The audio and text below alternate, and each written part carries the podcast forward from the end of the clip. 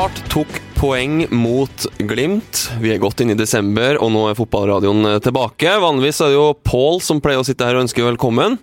Jeg sitter her, ja. Og den sitter der fortsatt. Både Knoll og Tott er på plass. Mens jeg heter Steffen, og vi skal inn og snakke, for vi må snakke litt om uh, den situasjonen som er nå. For nå er det gøy, nå er det spennende. Nå er det virkelig alvor, eh, Jesper. Nå begynner jo virkelig moroa. For en innspurt vi kommer til å få. Og For Start sin del så ser jo dette her langt lysere ut enn det det gjorde for et par uker siden, Pål. Mange positive opplevelser, mange positive prestasjoner. Ett poeng mot Glimt, og Mjøndalen venter på søndag. Ja, eh, hvis de vinner den, så rykker de ikke direkte ned. Da tror jeg kanskje ikke de eh, må ut i kvalik heller, for det er et lag til her som har spilt seg virkelig i trøbbel. Som er Godset, som har fem tap på rad og tolv kamper uten uten seier. Så de har jo virkelig press på seg. Men Start uh, ser ut som de håndterer for en gangs skyld press bedre enn det de har gjort tidligere. Onsdag så ble det poeng mot Glimt. Et av få lag faktisk som har tatt poeng mot Glimt. Jeg satt jo, vi satt jo i studio og var litt uenig. Du trodde det var sjans. Jeg hadde jo ingen tro på at det kom til å bli poeng. Og så leverer de en, en sånn kamp. Du satt vel i, i Bergen og så det, Jesper. Det, var imponerende av, av start? Absolutt. Jeg syns Start uh, leverte en uh, veldig god kamp. og Med litt mer presisjon i disse her kontringene sine, så kunne jo Start også ha vunnet denne kampen. Bodø-Glimt hadde sine sjanser, men det hadde sannelig med Start også. Start ser nå ut som et uh, sterkt lag, et lag som er i form, et lag som spiller med mye selvtillit. Et lag som er totalt forvandla fra hva vi så tidligere i sesongen. For da var det mye rufs, mange enkeltspillere ute av form. Nå skinner jo den ene etter den andre. Kevin Kabran er jo en klassespiller i Eliteserien akkurat for øyeblikket. Hvis han kan opprettholde det nivået, så må jo Start prøve i alle fall å få forlenga med han. Nesten koste hva det koste vil. Vikne opp mot Sinkernagel. Sinkernagel har sett ut som Lionel Messi eller Jens Petter Hauge i de siste ukene. Mm. Han ble effektivt stoppa av Vikne, og så syns jeg Skjolse da, igjen på midtbanen leverer en solid kamp. Vi vet jo at han er god til å løpe fram og tilbake, men han er også en god ballspiller. Han er en smart spiller. Det ble vel kanskje ikke hans mål, gjorde det? Ble det selvmål? Ble det han var jo, sitt mål? Schultz er jo veldig ærlig, sant? så han sa med en gang at det her er ikke mitt Altfor ærlig. Alt for ærlig. Må jo prøve å stjele det! Ja, det tatt det Uten... Så er en, en spiller til vi må nevne, er Eman Markovic, som har blitt forvandla fra en sånn teknisk offensiv eh, midtbanespiller. Vi trodde kanskje det var en slags ny Tobias Christensen som kom, og så er det blitt en eh, løpsmaskin. Ser ut som Michael Johnson når han tar disse returløpene sine. Ja, han løper jo opp Rashani i Skien. Det snakka vi litt om, og denne gangen også. Sinkernagel kommer på en kontring. Du forventer at her blir det trøbbel. Nei da. Markovic, Forest Gump, Michael Johnson, kall han hva du vil. Han løp enkelt opp Sinkernagel og fikk da stoppa den overgangen. Så Det er også jo en spiller som har tatt enorme steg, og der skal Joey og resten av trenerteamet ha veldig mye kred. Mm. Den jobben de har gjort med flere av disse spillerne nå, den har vært fenomenal. Og så er det, ikke, det er jo ikke bare sånn at vi sitter og snakker om det fordi resultatene eh, går eh, riktig vei. Vi har jo hørt nå at, eh, at målingene på startspillerne at de slår alle rekorder nå i de siste kampene. At det Kevin Cabran gjorde eh, mot Glimt, eh, med antall høyhastighetsløp og sånne ting som de, de måler, har, ingen gjort før med, med disse målingene de, de, har. Så det er jo ikke, det er ikke tilfeldig, dette.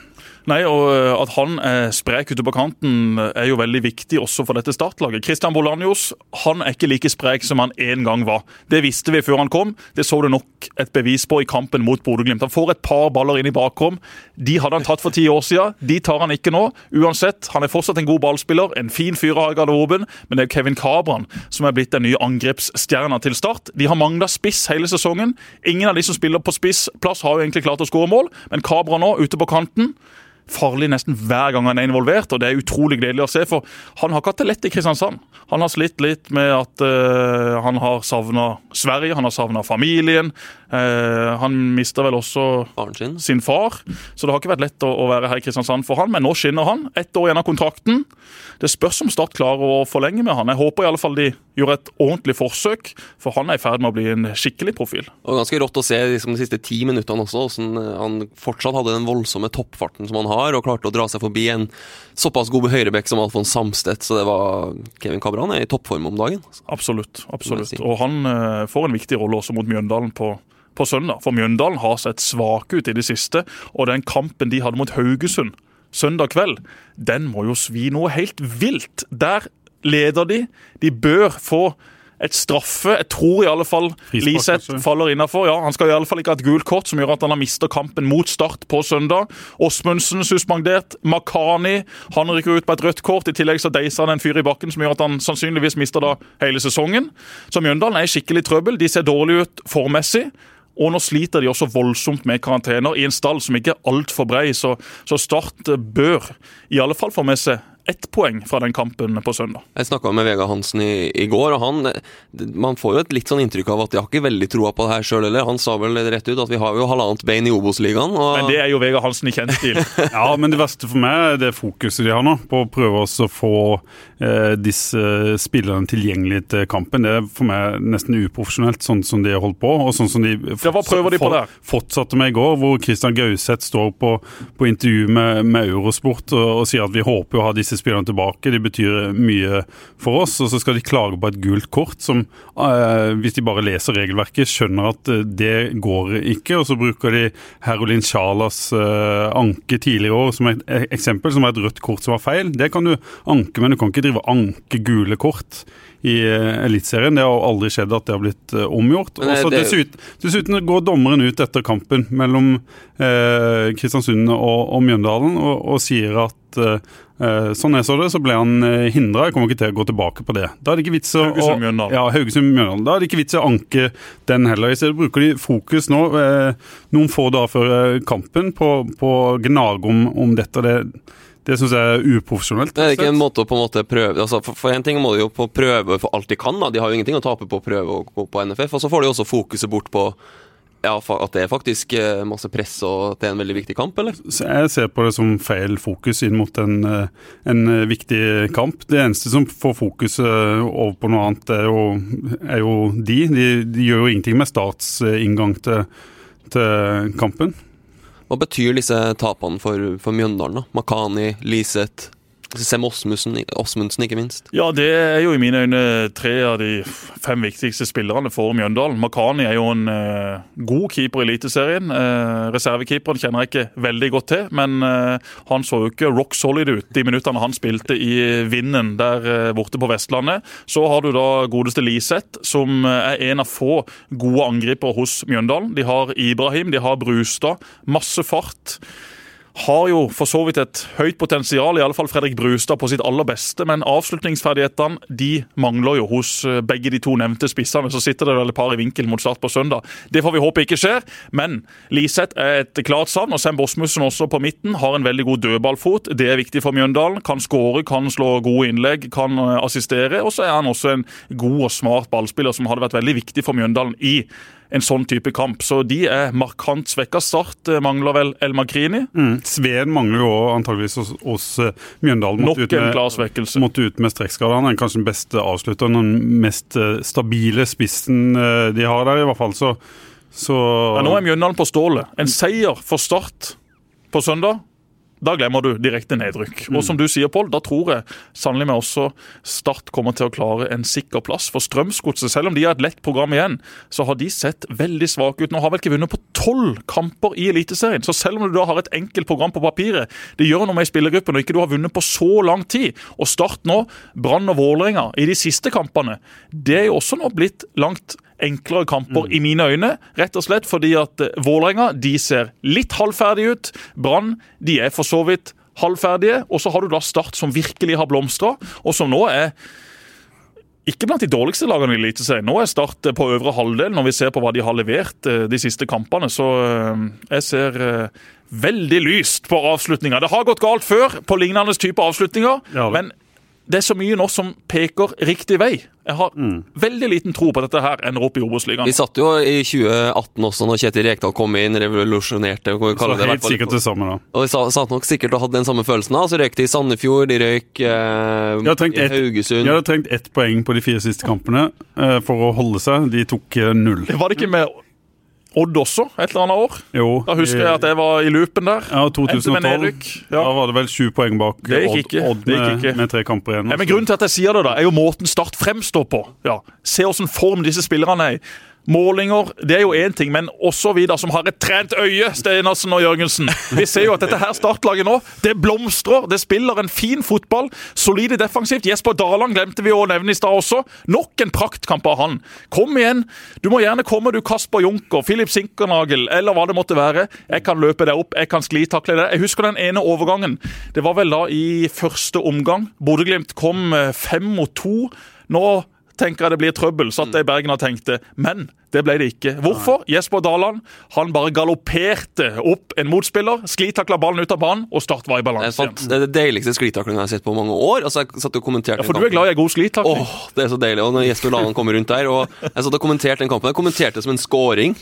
For det, det, det, var helt rått å se på. Vi, vi har snakka masse om Jesper Daland, og vi, må, vi, har skrevet masse om Jesper Daland. Jeg vet at I start så er de litt redd for at Jesper Daland skal miste litt fokus, litt uh, fotfeste, men uh, han, han, leverer jo Det skal ikke stå på oss, iallfall. Det skal ikke stå på oss, nei. snart en skjerming. Men det må jo du også si til alle som hører på, og eh, Steffen, at dere kommenterer jo Start sine kamper på web, gjør dere ikke det? Ja, på radio. I ja. hvert fall hjemmekampene. Og i bortekampene har vi jo nå gått over til en studio.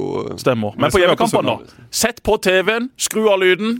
På med Stenersen. Ja, ja. Bare pause kampen litt, så dette her blir Både i synk. På synk, ja. Det er viktig. Litt kjipt å høre det litt før eller litt etter det har skjedd. Men du har sagt, jeg bare stopper deg litt, Steffen. Du har sagt flere ganger til meg at Start kan ikke tape mot dette Mjøndalen-laget. Sitter og sett Mjøndalen-kamper og sagt det er så altså, Hvis, hvis Mjøndalen ikke klarer å vinne den kampen mot Stabæk, altså det er ikke noe mot Haugesund, men det er mot Stabæk da de, altså Stabæk var så dårlig og Mjøndalen hadde sjanse på sjanse, men de satt disse sjansene langt opp på tribunen. Alle skuddene gikk over? Alle skuddene gikk fem-seks meter over mål. Helt utrolig å se på.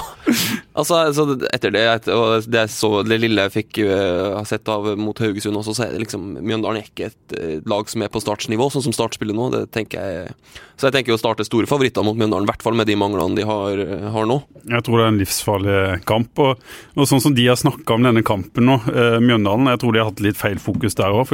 Pekt liksom på denne kampen som den avgjørende, og så har de kanskje eh, glemt litt de andre og ikke tenkt at de skal få med seg så mye. Så ja, det lukter litt skummelt. Hva skulle skulle sjekke oddsen på den kampen. Eh, det er da 2,50 på begge, tror jeg. Ja, omtrent. det er en god gammeldags 50-50-kamp, dette her. altså. ja. Det er det. Så eh, klart, Start kan naturligvis tape mot Mjøndalen, men de ser langt bedre ut enn Mjøndalen akkurat for øyeblikket. Det som kan spille Start et puss, er jo hvis det mentale plutselig skulle slå inn. Hva hvis Mjøndalen får en tidlig skåring, og så får Gauseth og co.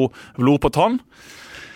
Ja. Men sorry, min gode venn Kristian Gauseth. Jeg, jeg, tror dette her blir vanskelig for dere å overleve i Eliteserien. Jeg tror det blir vanskelig å slå Start på søndag. Ikke like sikker som Steffen på at Start ikke kan ta på denne kampen, men jeg tror Start får med seg poeng. Tenk at vi skulle sitte her i desember og diskutere om Start har mulighet til å tape i hele tatt. Det, så langt har vi kommet. Men vi kan jo ta programmet. Start har Mjøndalen borte, Brann hjemme, Vålerenga borte. Det kjenner vi jo til. Og så har jo Strømsgodset en ekstra kamp. Eh, og nå har vi nettopp publisert en artikkel, og i Start har bedt NFF om å se på kampoppsettet på nytt. For de mener det er en stor fordel for Strømsgodset å spille sin siste seriekamp 19.12. Eh, mot Odd, altså ti dager etter at Start har spilt sin nest siste kamp. Fordel, eller? Bakteppet her er vel at det har vært en eh, regel i norsk fotball at de to siste eliteserierundene skal spilles samtidig, og så er det endra i år for det. Eh, Fotballforbundet og klubbene er redde for at eh, ved å ha det som en regel, så blir sesongen utsatt og må spilles ferdig over eh, jul. Det er for å kunne komprimere Er reglementet endra? Ja, ja, de har endra det Men Da er det vel ikke noen sak? Nei, eh, det er jo egentlig ikke det, så lenge klubbene Klubbene har jo blitt hørt gjennom norsk toppfotball, og, og, TV Discovery er fornøyd, så her er jo på en måte alt er jo vært gjennom en grundig prosess, sånn, sånn som jeg forstår Nils Fiskekjønn. Jeg skjønner jo Start at de er frustrerte over akkurat det. Samtidig så er jo Strømsgodset uskyldig oppi dette. Vi vet jo alle hva slags år vi er inne i, og da blir det litt eh, spesielle løsninger for å kunne få fullført en sesong. Derfor eh, blir det vel som det blir, at Strømsgodset kan få en liten fordel med å avslutte etter da at Start har avslutta. Men de kan jo få en ulempe òg. Reise til Skien og vite at de må vinne. Det er jo alltid en ulempe, er det ikke det? Ja, ja men mot et Odd-lag som kjemper om medalje, da. Eh, Odd kan fort være i medaljekampen ja. eh, før den eh, kampen her, og vite at de på en måte må stå høyt mot Odd, som, som er et veldig godt uh, kontring, kontringslag. Det kan jo også være en ulempe. så det er jo Jeg, jeg ville ikke brukt eh, noe energi på det. Vi tror det heller ikke akkurat. spillergruppa og trenerteamet gjør. Det Nei. er vel bare sånn at uh, noen i klubben har sagt at la oss prøve, da. La oss se om ikke vi kan få endra på dette. Hvis det vi mener at dette her gir oss 2-3% bedre mulighet til å overleve Eliteserien, så skjønner jeg godt at de gjør det. Ja. Men at spillerne og Joey bruker krefter på dette, det har jeg null tro på. Godset har Haugesund hjemme nå på søndag. Ålesund borte, Odd borte, Stabæk hjemme. Og som du snakket om, de har ikke vunnet siden 16. august. Altså, det er jo snart fire måneder siden. Uh, Godset Vi må se på kvalik. altså, prøv, altså Mjøndalen, Slår de Mjøndalen, så blir det jo i hvert fall ikke en direkte nedrykk. Hva er sjansen for å, for å havne over Strømsgodset på tabellen? Det er jo det som egentlig er det store spørsmålet, tenker jeg. Ja, Det kommer til å bli eh, tett og jevnt. Eh, Strømsgodset ser svakere ut enn Start akkurat for øyeblikket, men de har jo et greit program igjen, og de har da denne kampen til gode. Jeg tror allikevel at hvis Start nå slår Mjøndalen på søndag, så vil eh, Start bygge på seg enda mer selvtillit, som gjør at jeg tror de også vil eh, ta tre eller fire poeng i de to siste gjenværende kampene. Og da skal det bli veldig tøft for eh, nevnte Strømsgodset. Hva tror du, Jørgensen? Tror du vi får Salvesen på kvalik, Nei. eller får vi Esper Daland på kvalik? Jeg tror kanskje vi får start på, på kvalik. Jeg har trodd det hele tida. Og jeg, jeg tenker at det fort skjer i, i, igjen. Eh, Strømsgodset var jo i en veldig lik situasjon i fjor som de er nå. Og så, og så klarte de å komme seg ut av det med den samme gjengen som er der nå. Jeg tror fort det samme kan skje igjen, men det avhenger veldig av den kampen som kommer til til helga. Hvis de tar tre poeng der, så tror jeg de tar tre poeng mot eh, Ålesund nå eh, runden etter. og Da, da tror jeg det blir eh, vanskelig for Start å ta nok Og Lars Jørgen Salvesen poeng. får jo en nøkkelrolle. Han er jo en av få spillere på Strømsgodset du sitter og ser på og tenker at han der kan avgjøre denne kampen. Hadde en flott målgivende pasning til Mava da de møtte Kristiansund i Kristiansund. De tapte riktignok den kampen til slutt, men de leda, og Salvesen leverte ei praktpasning med yttersida av sin venstre fot. Så han får jo selvfølgelig nøkkelrolle her mot slutten. Salvesen og Mava og Maigård de spillerne der, Hove også for, eh, forresten har vært gode i år, Mm. de der de har jo et potensial, men jeg syns de er rufsete som kollektiv. Og de er rufsete defensivt, og jeg tror de er litt sjokkert og overraska over at de, faktisk nå står i den situasjonen. Det er jo ikke Start, det er jo ikke Mjøndalen, men det er nok en del av de gutta i Drammen. Jeg tror du de kan ha en sånn 'vi rykker ikke ned', sånn som mange lag har hatt? F.eks. Brann i 2014. Vi, vi er for gode til å rykke ned-holdning. Vi har hatt den holdninga veldig tidligere, og den begynte allerede i, i vinter med, med Strømsgodset, med en sånn voldsom positivitet, ikke minst eh, det har vi sett her i Kristiansand nå, på sosiale medier, og mediesjefen der, Magne eh, Nilsen. Nilsen, som har jobba i Drammens eh, Tidende, som, som eh, Ja, vi kan jo nesten ikke tape med den fotballen vi, vi spiller nå. Litt sånn som Sarpsborg òg var i, i, i vinter, og så, og så kommer han inn i en dårlig steam. Og jeg syns jo Strømsgodset, eh, litt sånn som vi snakka om Ålesund før sesongen. Det er jo et lag, hvis du ser på dette laget og hvem som har prestert i Eliteserien. De har noen eh, litt eldre travere, Wilsvik f.eks., som har vært en kjempegod god spiller. Eh, Stengel det samme, men de er kanskje litt på hell i sine karrierer. Og så er resten av den gjengen der for meg et lag med gode Obos-ligaspillere som jeg ikke ser for meg blir profiler i Eliteserien. Så øh, ja, de har, de har ikke noe mer kvalitet i den øh, stallen enn en det Start har. Nei, det er jeg helt enig med deg i. Bolly har ingen eh, bedre kvalitet enn en det den startstallen har. Men de har da dette, dette programmet, og de har én kamp mer igjen å spille. Så det kommer til å bli veldig veldig spennende. Men så må vi heller ikke glemme der hvor Start lå for seks, syv, åtte, ni, ti runder siden. Da tror jeg Start hadde takka ja til den kvalikplassen syv dager i uka. Så at vi nå sitter og snakker om at de kan også da klare en sikker plass, det er jo et bevis på at Start har gjort veldig mye riktig de siste månedene, og at de nå er i veldig bra slag. Så det er bare å glede seg. Tenk om vi da får en ny kvalikkamp! Ja, og så er det én ting som er viktig med Start, syns jeg. Eh, De tre siste kampene, selv om de tapte mot Viking, så traff de på kampplanen mm. borti Stavanger. De var det rant inn der når, de- når 0-2 kom, og det har vi sett eh, kan skje. Men de traff på kampplanen, skapte masse sjanser og var klart bedre enn Viking. De traff på kampplanen sist mot eh, Glimt. De traff mot Sarpsborg, og de traff mot Odd. Bomma masse tidligere år, men det ser ut som de eh, har fått eh, litt fornya selvtillit i, i trenerapparatet og har funnet en en, en, måte å løse ulike kamper på mot ulike formasjoner, som jeg tror blir veldig fint å ha med seg inn i, i slutten her. For Det er jo interessant å se. Det, som du sier, Jesper, det start, vi starta sesongen med elleve kamper uten seier. Så har man snudd etter det. Vi skrev vel en sak for et par runder siden. Da er man oppe på et poengsnitt som er f.eks. bedre enn det Kjetil Rekdal hadde da han var her høsten 2018, som han ble, han ble hylla for. Hva er det som på en måte skiller start eh, første del av sesongen og andre del av sesongen? Er det så enkelt som at man har truffet på campinggang, eller hadde man, hadde man Start snakka mye om at de fortjente masse poeng før de fikk de elleve kampene. Er det rett og slett bare statistikken som har tatt igjen, eller? Jeg husker en ting vi snakka om før sesongen starta. Hvis de skal klare dette, så må de etablerte spillerne stå frem. Kabran eh, har vi vært innom. Han gjør det nå, og så er det en faktor til som må slå til. Noen av de unge jeg tror vi nevnte Markovic og Daland før sesongen. Må opp på et uh, eliteserienivå, utvikle seg gjennom sesongen. Jeg tror det er de to tinga der som er det viktigste. At de har fått løfta noen av de unge til å bli bærebjelker i laget, samtidig som uh, noen av de etablerte har funnet, funnet, formen. Og så tror jeg at de har en bedre treningshverdag nå enn de har hatt på, på lang tid. Når jeg sitter og ser treningene, syns jeg mer intensitet, mer fokus.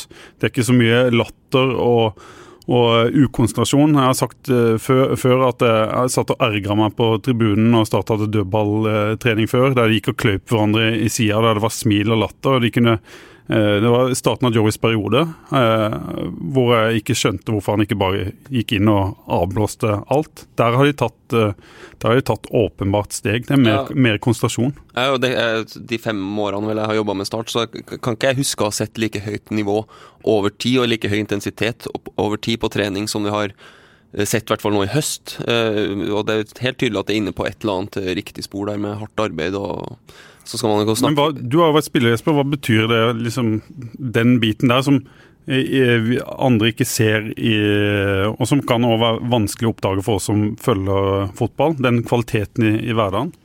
De har jo eh, trent veldig godt. Det ser du eh, nå i kampene. En ting er at du ser det på trening, men det også da får du ut i kamp, det skaper jo masse selvtillit. Selvtillit, det skaper humør. Eh, det gjør jo at alt egentlig da blir enklere. Som vi snakka om før sesongen, de unge må ta steg. Daland har vært Starts beste spiller i år. Markovic eh, har også vært veldig, veldig god og er i eh, sitt livs form akkurat nå ser i alle fall sånn ut i de kampene jeg har eh, fått med meg i 2020. Og så har jo også et par av de etablerte nå også virkelig steppa opp. Vi har snakka om eh, godeste Skjolse, vi har snakka om Kabran. Jeg syns jo også Erlend Segberg, som har vært langt ute i kulda, og som vel var på vei til å ikke få en ny kontrakt, vil jeg tro, nå har spilt seg inn i laget, vært en eh, ordentlig leder, og som jeg tror også nå spiller seg til en ny kontrakt med, med Start. Det betyr mye for han å spille i Start. og han har jo også nå klart å skåre mål denne sesongen, så, så, han også har vært et lyspunkt nå i denne gode perioden. Han har jo sine mangler, men eh, hvis du får brukt han på de tingene han er god på, mm. så har Start en god spiller der på midtbanen, i alle fall i enkelte kamper mot den og den motstanderen. Hvis Start blir veldig pressa, hvis det blir veldig mye løping og det krever høy intensitet, så har han sine mangler, men i kamper hvor Start får styrt litt, hvor de trenger en god pasningsspiller, så er jo Segberg eh, den beste de har i akkurat den rollen. Og så skal trenerteamet ha mye ros. De syns jeg har gjort en god jobb, ikke bare med, med trening, men dere snakker om dette med taktiske innganger til kampene. Se også nå på måten Joey framstår på. Han er blitt 10 cm høyere, han. Den mm. brystkassa hans den skyter enda lenger fram. Mathias Andersson har jo alltid hatt ei brystkasse som skyter fram, og han har jo alltid hatt mye selvtillit. Men hele trenerteamet nå de fremstår på en helt annen måte, syns jeg. Langt mer selvsikre intervjuer. Det gjør jo også noe med standinga hans og trenerteamet i spillergruppa. Spillergruppa sier at de planene disse folka kommer med, de fungerer. Vi kan skru tida litt tilbake og tenke på da Lars Lagerbäck ble norsk landslagssjef. I begynnelsen, det første året, spillerne kjøpte alt han sa. De trodde på hvert eneste ord hva gjaldt defensiv jobbing, hva gjaldt offensiv jobbing. Så begynte spillerne etter hvert å si ja, men du, vi slår ikke én ordentlig god motstander. Da mister du også litt troen på det treneren din sier, som igjen da går utover kollektivet og totalpakka disse spillerne kan gi det. Nå har egentlig Joey og co. klart å snu dette fra en blytung sesongstart. Start var sikkert inne på tanken om å fjerne Joey og hente inn en annen trener. Nå skal de være glad for at de gikk med Joey, som er en lokal løsning, må vi få lov til å si. Han er fra Island, men har jo gjort Sørlending Asse. Han er en billig løsning sammenlignet med veldig mange andre trenere i Eliteserien, og for så vidt også i Obos-ligaen. Så de har gjort uh, mye riktig. Akkurat hva det er, det tror jeg er vanskelig å sette fingeren på. Det er nok ikke én eller to ting. Her er det veldig, veldig mange ting. Men det skal også sies at de har vært flinke, og sikkert også litt heldige da, med å ha såpass mange viktige spillere skadefri. Vi ser en del andre lag som har fått skader i en veldig tøff og tung sesong. Men Start, med det laget de har nå, har jo egentlig klart å stille den samme elveren, de samme 12-13 spillerne i kamp etter kamp. Og det bygger også styrke. Og så tror jeg en ikke skal undervurdere eh, et par signeringer òg. Bolanjos har kanskje ikke vært eh, han, han, har levert uh, som vi kanskje trodde, som, som, ja, som vi snakka om på forhånd. Men det å ha han der, uh, den roen Vi så litt i kampen mot, uh, mot Glimt, hvor han gjorde en, en fin kamp. Syns jeg det er noe med Åtter på børsen? Nei, ikke en åtter på Nei, han var ikke, han var ikke på Ramsland-nivå på, på Åråsen. Jeg, synes, jeg, over den åtta, jeg kommer ikke over den åtta. Jeg tenker på han hver kveld før jeg legger meg. Åtte på Ramsland på Åråsen! Hva tror du jeg går rundt og tenker på, Werner? Jeg går og skammer meg. Hver eneste dag går jeg og tenker på, på den uh, Den største skampletten i FVNs historie. El Makrini skulle jeg inn på, da. Han uh, han har, har, blitt en viktig brikke for dette laget, som syr ting litt sammen på midtbanen der. Og så så vi at de klarte seg uten han mot mot eh, Sarpsborg, og så får vi håpe de gjør det igjen mot eh, Mjøndalen på søndag. En ting, ja, bare kjapt tilbake til Bolanjos, for jeg tror ikke du skal undervurdere den dødballfoten. Plutselig så får du en følelse nå at den starter corner. Oi, Bolanjos skal ta den, nå kan det skje, liksom. Og Det viser jo tallene også, at de har blitt mye mye farligere på dødball. og Plutselig begynt å score på dødball. Noe Start ikke ha gjort på ja, siden du var i Dine knær funka, liksom. Det, så det, jeg tror ikke du skal undervurdere. Jesper skårer aldri på dødball. Nei, ikke på headinger, nei. nei. Utrolig dårlig på offensiv dødball. Helt merkelig. Tapte ikke én duell på et utspark som ble klinka opp mot meg som stopper, men i feltet! Jeg fant aldri fram til den ballen. altså. Pappa irriterte seg over det i hver eneste kamp jeg spilte, iallfall mens han levde. Og det var blytungt for far å se at en mann på to meter aldri klarte å bare stange den ballen i nota. Han var jo forferdelig på huet sjøl. Jeg arva nok de ferdighetene han inne i boksen. Jeg har ikke skåret mange mål på hodet. De kan jeg sikkert telle på ei hånd. Jeg har riktignok skåra på en del sånn nedfallsfrukt og et par volleyer og et par helspark etter et hjørnespark. Og så har jeg dunka noen frispark og hjørnespark rett i mål. men det er jo ikke det vi snakker om nå. Nå snakker vi om hodestyrke. Noen spillere er ekstremt flinke til dette. Mm. Husk Marius Johnsen og Bård Borgersen i 2005 av den tida der. Offervilje. Offervilje, ja. Men han traff jo det svære huet til Marius Johnsen hver eneste gang. Ja. Det er jo ikke tilfeldig. Det er jo det er fordi det. at du er gæren. Du har uh, gjort det mange ganger. Du klarer å lese ballbanen. Og det var Marius helt vill på. Alex Valencia han bare sikta han på det der uh, bleika håret til Marius, og så stanga Johnsen ballen i, i mål. Han var spenst da, eh, Marius? da. Enormt spenst, men utrolig treg. Mm. Utrolig merkelig kombi. For, for Veldig uh, merkelig kombi, men han hadde en helt vill spenst og god timing. Tenk deg det. Han tapte ikke én duell han som venstreback, enten det var i boksen eller det var ute på sida. Han bare klinka til. Gode minner. Vi må tilbake til, til, til nåtida. For vi har snakka mye om spillere som fungerer. Altså det er ett stort eh, spørsmålstegn. Martin Ramsland. Vi snakka om at han fikk åtte på børsen, men han har ikke skåra i en tellende kamp for Start siden han skåra de tre målene. Siden han fikk åtte på børsen. det gikk til huet på han, den åtteren. Ja, ja, ja. Ikke sant? Det ble for mye. og Nå kom han ikke engang innpå. Nå ble Mathias Bringaker bytta inn mot, uh, mot Bodø-Glimt. Hva, hva skjer med Martin Ramsland? Kroppen hans har ikke fungert i 2020. Jeg tror det er den enkle, men også den riktige forklaringa. Jeg vet jo sjøl åssen det er som spiller å ikke ha en kropp som spiller på lag. Du får aldri trent godt nok. Du blir kasta inn i kamp egentlig før du er frisk nok og i god nok form til å kunne starte en kamp til å spille 60, 70, 80, 90 minutter. Det syns jeg har prega Martin Ramsland i år. Jeg tror han eh, kommer tilbake igjen for fullt hvis han får en lang og god vinter på seg og klarer å holde seg skadefri. Men hvis han skal hele tida gå ut med en skade, to uker der, fire uker der, seks uker der, så kommer du aldri opp på det nødvendige nivået. Martin Ramsland på Åråsen, og også i fjor for Start, sett bort fra Åråsen-kampen, syns jeg jo var fenomenal. Jeg syns han var en gave til det startangrepet. Det har han ikke vært i år. Ja da, han eh, krangler litt, han vinner noen dueller, han får seg noen frispark, men han har jo levert utrolig skuffende. Og eh, grunnen til det tror jeg er skadene. Ja, og så får selvtilliten seg òg en, en, knekk. Eh, nå vet jo ikke vi full status på hans kropp, sier sjøl at det går bra, men står jo over treninger i, i ny og ne. Men jeg er òg litt sånn eh, Jeg har jo vært en forkjemper for Ramsland helt siden han kom. Jeg har alltid likt han som, som spiller. Jeg, får masse reaksjoner fra våre lesere om at nå må du slutte med det Ramsland-maset ditt og, og, forsvare han. Men er jo eh, der er jeg enig med, med Jesper at det handler nok i, i, stor grad om hans kropp. Men så tror jeg også etter hvert at at selvtilliten hans ikke er på topp. Han kommer til noen sjanser som han brenner, som han garantert hadde satt i, i fjor i, når han var i, i, støtet. Men jeg, jeg, tenker uansett at Start må på spissjakt. For én ting er om han kommer tilbake i form, ok, da får det være en bonus. Men du har to andre spissere her som er iskalde, eh, Bringaker og Skålevik. Ingen av de er startspillere neste år, eh, tror jeg. Så her må det jo Eh, om ikke endte én, kanskje to eh, spisser før eh, neste sesong. En litt etablert og en ung en, og så har Ramsland i, i loopen der. Ja, for Det er jo veldig interessant, for Ramsland har den skadesituasjonen som han har, og det har, har, ikke fungert, det må vi jo bare si, sånn som det er nå. Skålvik på lån fra Sarpsborg, ser ingen grunn der til å, til å beholde Steffen Lie Skålvik. Og så er Mathias Bringaker på utgående kontrakt. Da sitter du plutselig med Martin Ramsland som eneste spissalternativ, og Kevin Cabran.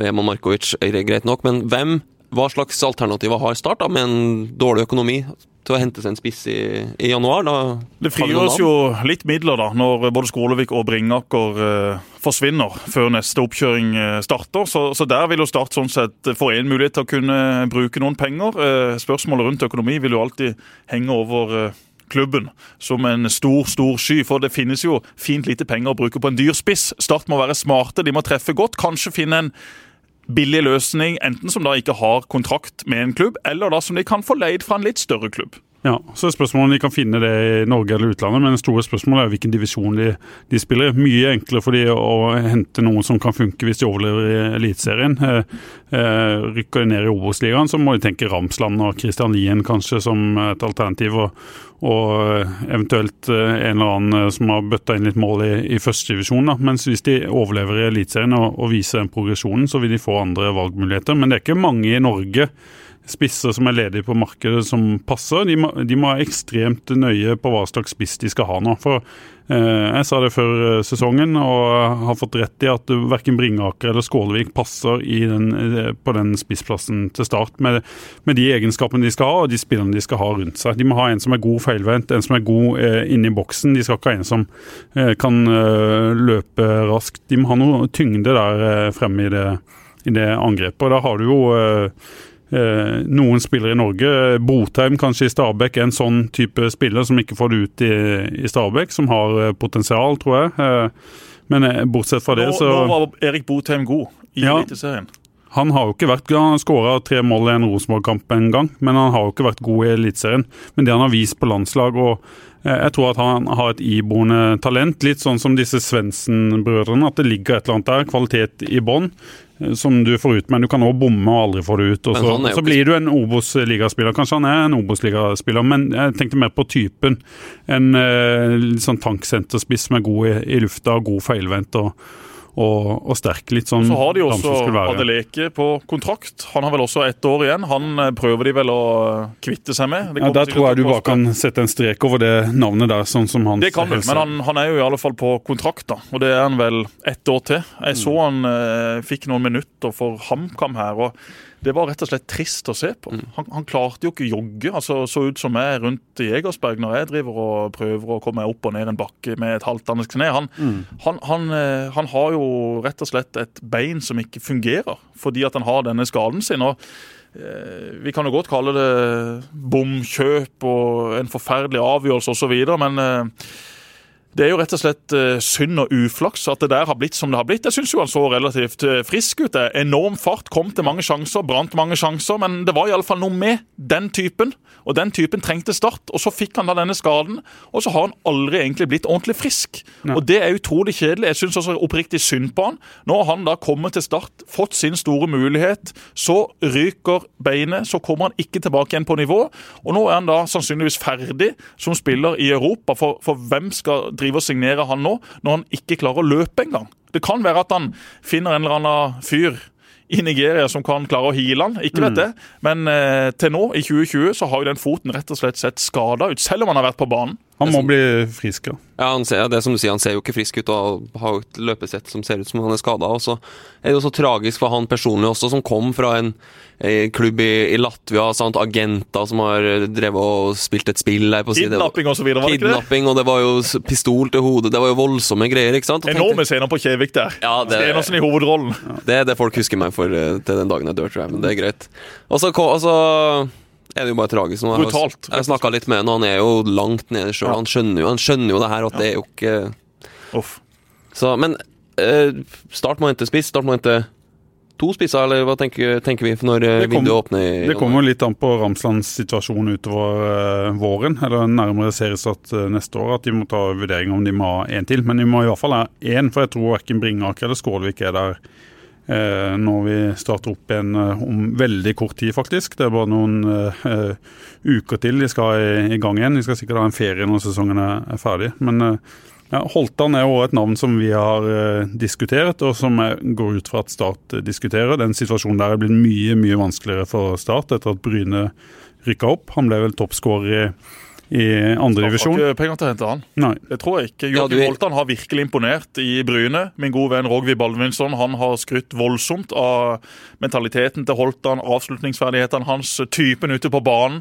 Ikke alltid han er den som er mest involvert, men får han sjansen, pang! Så sitter ballen i mål. Han hadde jo vært en perfekt sånn andre-tredjespiss bak Martin Ramsland. Hadde fått masse spilletid òg. Masse spilletid. Jeg tror det er råflott av Start å tenke at de skal ha tre spisser som tjener ei eliteserielønn. Ja. Sånn har det nå vært med Skålevik, Bringaker og Ramsland. To av de forsvinner. Jeg tipper de henter én ny spiss, og så blir det én da lokal ung løsning. Det kan også være en ung spiller fra et annet sted i landet eller fra utlandet, men en relativt billig løsning, for de har ikke råd til å gå med tre spisser. Da må de heller bruke Markovic eller Kabran på topp i de kampene de to andre da skulle vært skada eller suspendert. De har jo Kristian Lien, som de har tatt opp i avstanden, som har spilt kamper for Fløy og ikke fått ut eh, potensial eh, der. Spilt en del, men eh, har vel ikke skåra i andredivisjon. Men som er jo en sånn type kraftspiss som er god på innlegg fra, fra sida, så mangler han litt tempo og sånn. Men det var jo en spiller som så spennende ut i, i fjor, og så har ikke vi sett han eh, mye i år, da. Så det kan fort være at han blir, blir en uh, tredjespiss.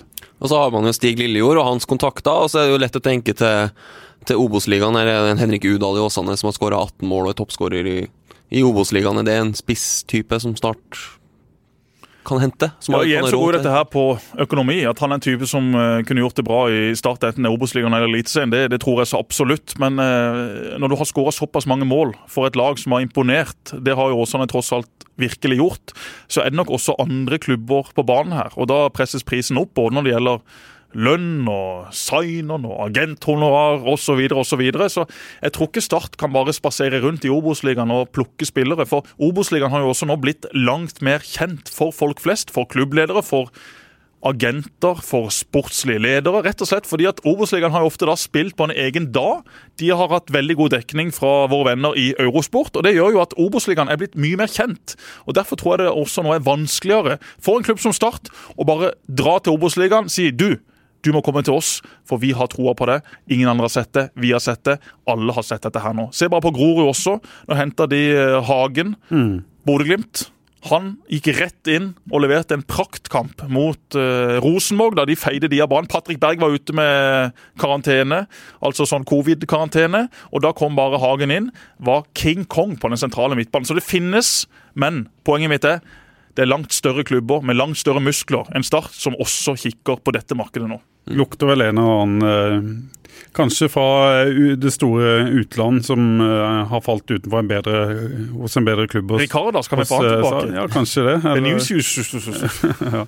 Og så er det et navn til som vi kan spille inn, er jo Iksan Fandi i, i Jerv, som Start var veldig nær å signere. og Planen, etter det vi har hørt, var jo at Start skulle hente han før den sesongen og leie han ut til Jerv. Om Start har vært eh, involvert i denne overgangen eh, fra Raufoss til Jerv for å få han eh, nærmere. Jeg tror ikke De har de har ikke hjulpet Start med, nei, Jerv med noe penger eller noe, noen sånne ting, men om de har ønska å få han til Grimstad, for å ha han nærmere og mulig plukke han opp, det kan jo være. Og Han er jo en sånn type som har en del av de kvalitetene Start trenger. Han trente jo med Start i mange uker i vinter, var med til Marbella før det ble Ja, de kjenner det han. oppholdet ble av. Og det, det er jo som du sier, de ble veldig imponert. Og Han har vært god i Jerv.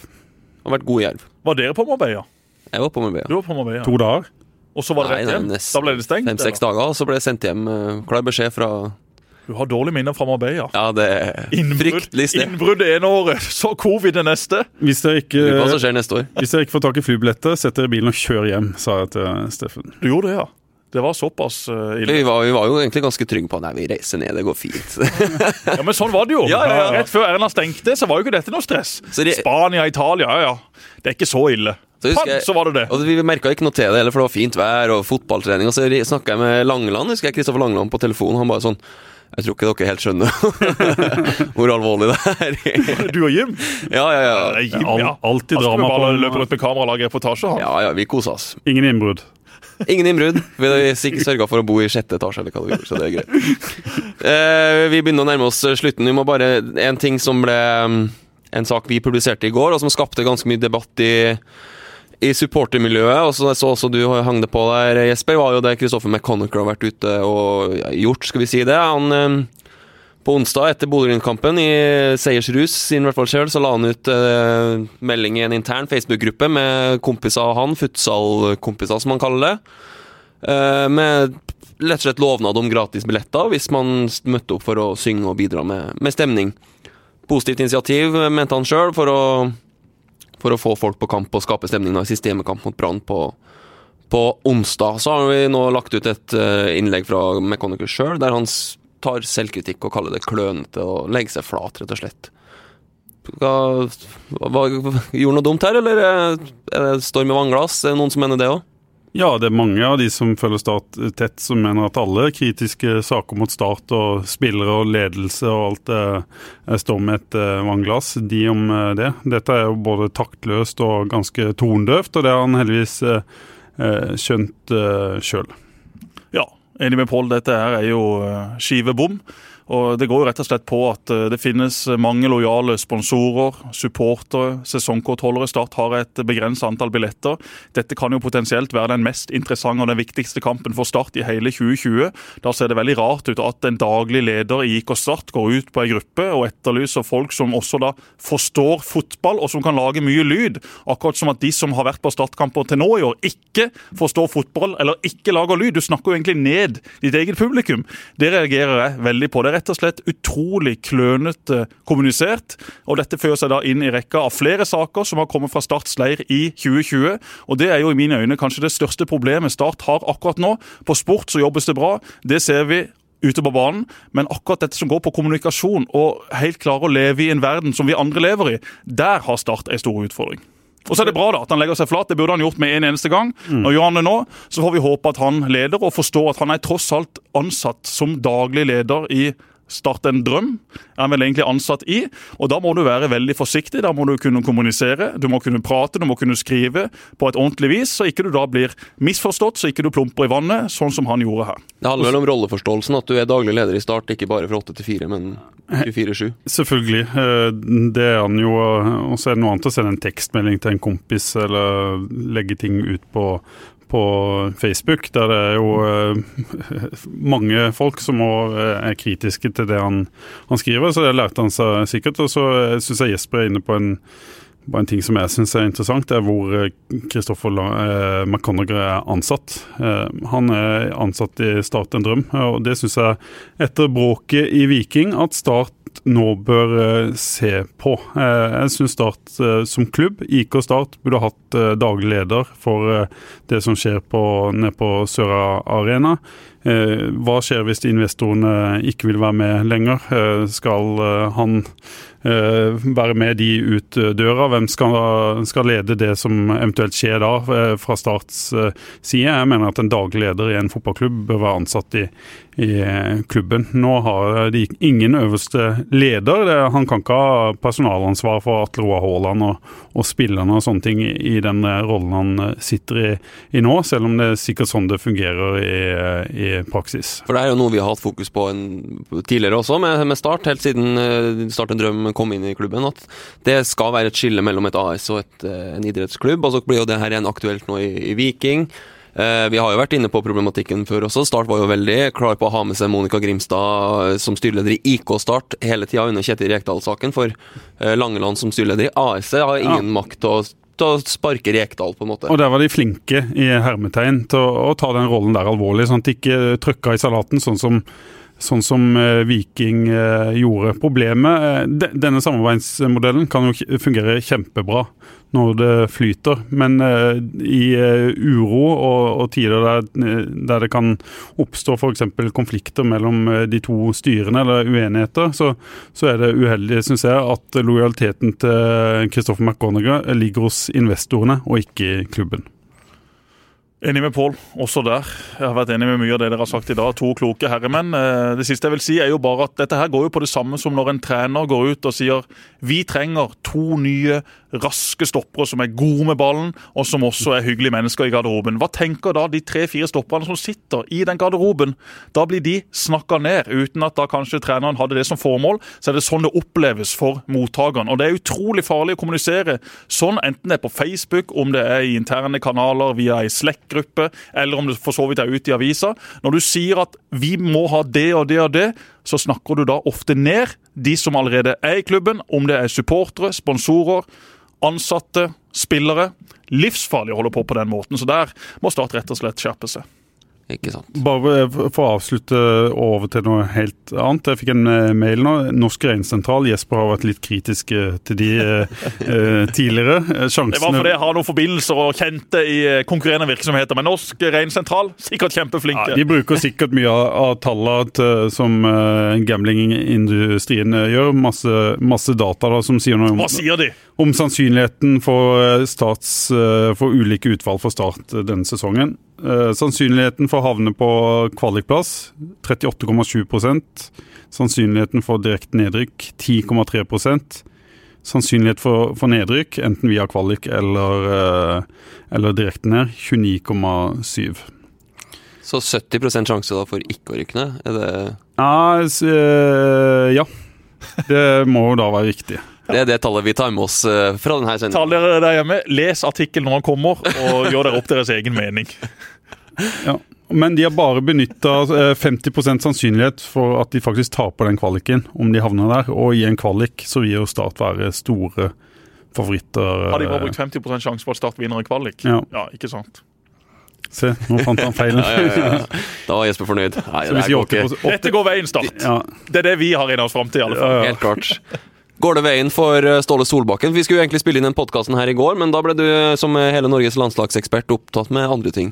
Ja, altså i går så hadde jeg sett for meg en litt sånn rolig formiddag. Skulle ta meg en liten joggetur, skulle ha en sånn kjapp podkast med dere. Kanskje også legge hodet litt på puta, for jeg hadde vært i Bergen, Oslo, Kristiansand, Oslo osv. Men det ble da selvfølgelig ikke noe av. Sånn er det alltid når jeg har planlagt en litt rolig dag. Så er det Lagerbäck som får sparken, Perry får sparken. Ståle Solbakken blir ansatt, det slår aldri feil. Så ja, jeg har troa på Ståle Solbakken. Dette er den beste landslagssjefen Norge kunne fått. Timinga er jo også veldig riktig. Lagerbäck røyk mot Serbia. En forferdelig kampplan. Samme uka så ble Ståle Solbakken ledig i FCK. Det var bra at NFF tok kontakt. Ståle Solbakken sammen med Braut Haaland, Vassbakk Ayer, Berge Ødegård. Det kan bli veldig mye moro de neste årene. VM i 2022 blir vanskelig. Kun 13 europeiske nasjoner skal være med der. Men EM i 2024 med 24 europeiske nasjoner der er vi jo nødt til å klare å kvalifisere oss. Det er trekning på mandag? Yes, det er det. Norge er da sida i pott tre. Får jo en knalltøff motstander fra pott én. Kan være litt heldige fra og det var pott to. Jevnbyrdig lag kanskje fra pott to? Uh... Ja, og Danmark er vel i pott én. Mm. La oss få Danmark i parken i mars! Men Ståle, var, det var må jeg bare si, det var utrolig ja, flott å se Ståle Solbakken på den pressekonferansen i går. Hvordan han bare avvæpner alle spørsmål og tar dem med godt humør. Og, ja, han vant faktisk En uh, håndbok i pressehåndtering, den, ja. den pressekonferansen der. Som journalist jeg liker jo det der med åpenhet og at det skal smelle litt, og at en ikke skal være så redd for eh, diskusjoner og sånne ting. Og når han, eh, han kalte landslagsspråket den siste, eller det som skjedde Peanuts. Peanuts! Det er peanuts. ja, men det var jo også peanuts. Problemet var jo alt NFF gjorde i etterkant. Pressemelding fra Lagerbäck og kapteinsteamet, pressemelding fra Sørloth, pressemelding fra han og han og han. og han. Det var jo måten det ble tatt på som var det store problemet. At det, det, smeller på et møte, og at det lekker til media, det har da ingenting å si i den store sammenheng. Problemet er reaksjonen til Lagerbäck, da, som tar dette fryktelig tungt. Det er jo derfor det ble sånn. og Det, hadde jo ikke, det kan jeg aldri se for meg hadde skjedd under Solbakken. Vi har sett litt hvordan han har håndtert eh, lekkasjer og sånne ting, særlig når han var i, i eh, Køllen. Dere snakker litt om de andre enn Veg, eh, Jesper, i, i deres eh, podkast. Så eh, det Han kom til å ganske Han har gjort det allerede, tror jeg. Vunnet over folket. eh, og Han hadde jo et veddemål med assistenten sin om at Tror du lagoppstillinga ligger på nett før vi er ferdig i dusjen? Det gjorde han. Ja. Det gjorde han. Og han har lave skuldre på det der. Eh, Men hvorfor skal du drive og mase sånn om det? Det gøyeste jeg vet når jeg sprekker en lagoppstilling, er jo når Lagerbäck og hele støtteapparatet går i fistel. Det er det som er hovedmotivasjonen min. Hvis en trener ikke ser så nøye på det, ja, men da er det jo ikke like gøy for meg heller. Så nå må jeg finne en annen, annen, annen motivasjon, rett og slett. Du må ha det ut før, du- før Ståle Solbakken er ferdig i dusjen. da. Ja, det skal godt gjøres. Det skal godt gjøres. Får han med seg Bård Wiggen, da? Ja, det tipper jeg. Nå har vi jo ikke hørt noe om det enda, men, eh, men Bård Wiggen har jo vært en trofast partner til Ståle Solbakken. Han var også med Ståle nå i FCK. Han har uh, gjort en god jobb sammen med Ståle. Bård Wiggen eh, kjenner jeg jo veldig godt fra hans tid i Start. Det begynner å bli veldig mange år siden, men at han er en uh, flink mann sammen med Ståle Solbakken, det er heva over enhver uh, tvil. Så han har blitt viktig for Ståle Solbakken. Veldig. veldig. Bård Wiggen har jo styrt veldig mye av det som skjer på feltet. Jeg husker jeg så de på Celtic Park da de slo Celtic. Da var det Wiggen som styrte alt av oppvarming. Ekstremt god på å sette ut kjegler, Bård. Har alltid vært det. Ufattelig nøyaktig. Mange assistenttrenere de bommer jo her. De er slurvete. De gjør feil på kjegle etter kjegle. Men Wiggen han må ha lasersyn eller et eller annet. Utrolig nøyaktig. Kunne også jobba i sånn Landmål og sør eller Vegvesenet eller et eller annet. Ufattelig presis. Okay, Men poenget mitt, jeg tror Wiggen blir Solbakkens assistent. Skyt meg hvis jeg bommer. Og så uh, sier jeg Per eh, Johansen, da, som eh, Solbakken åpenbart har et godt forhold til fra, fra før, og som han har snakka med i, eh, i eh, denne diskusjonen her, og som kanskje Norges Fotballforbund har et gikk vel ut i går og sa, ut og uh, sa at han Nei, var takk. finito? Å ja, da tror jeg ikke det blir han. Fotballradioen alltid oppdatert. Ja, Men da har vi trua på Ståle Solbakken. Sist med det første. Sist med Nei, det jeg fikk ikke med meg det. Jeg, jeg mener jeg leste det i går, ja. Det var litt mye kaos i går, men jeg tror mer på Wiggen. Det var ikke han Per Johansen. Nei, nei, det var han det var hyggelig. Veldig hyggelig. Da, da oppsummerer vi at vi har troa på at Start holder plassen da, og vinner mot Mjøndalen på søndag. Ja, vi har troa.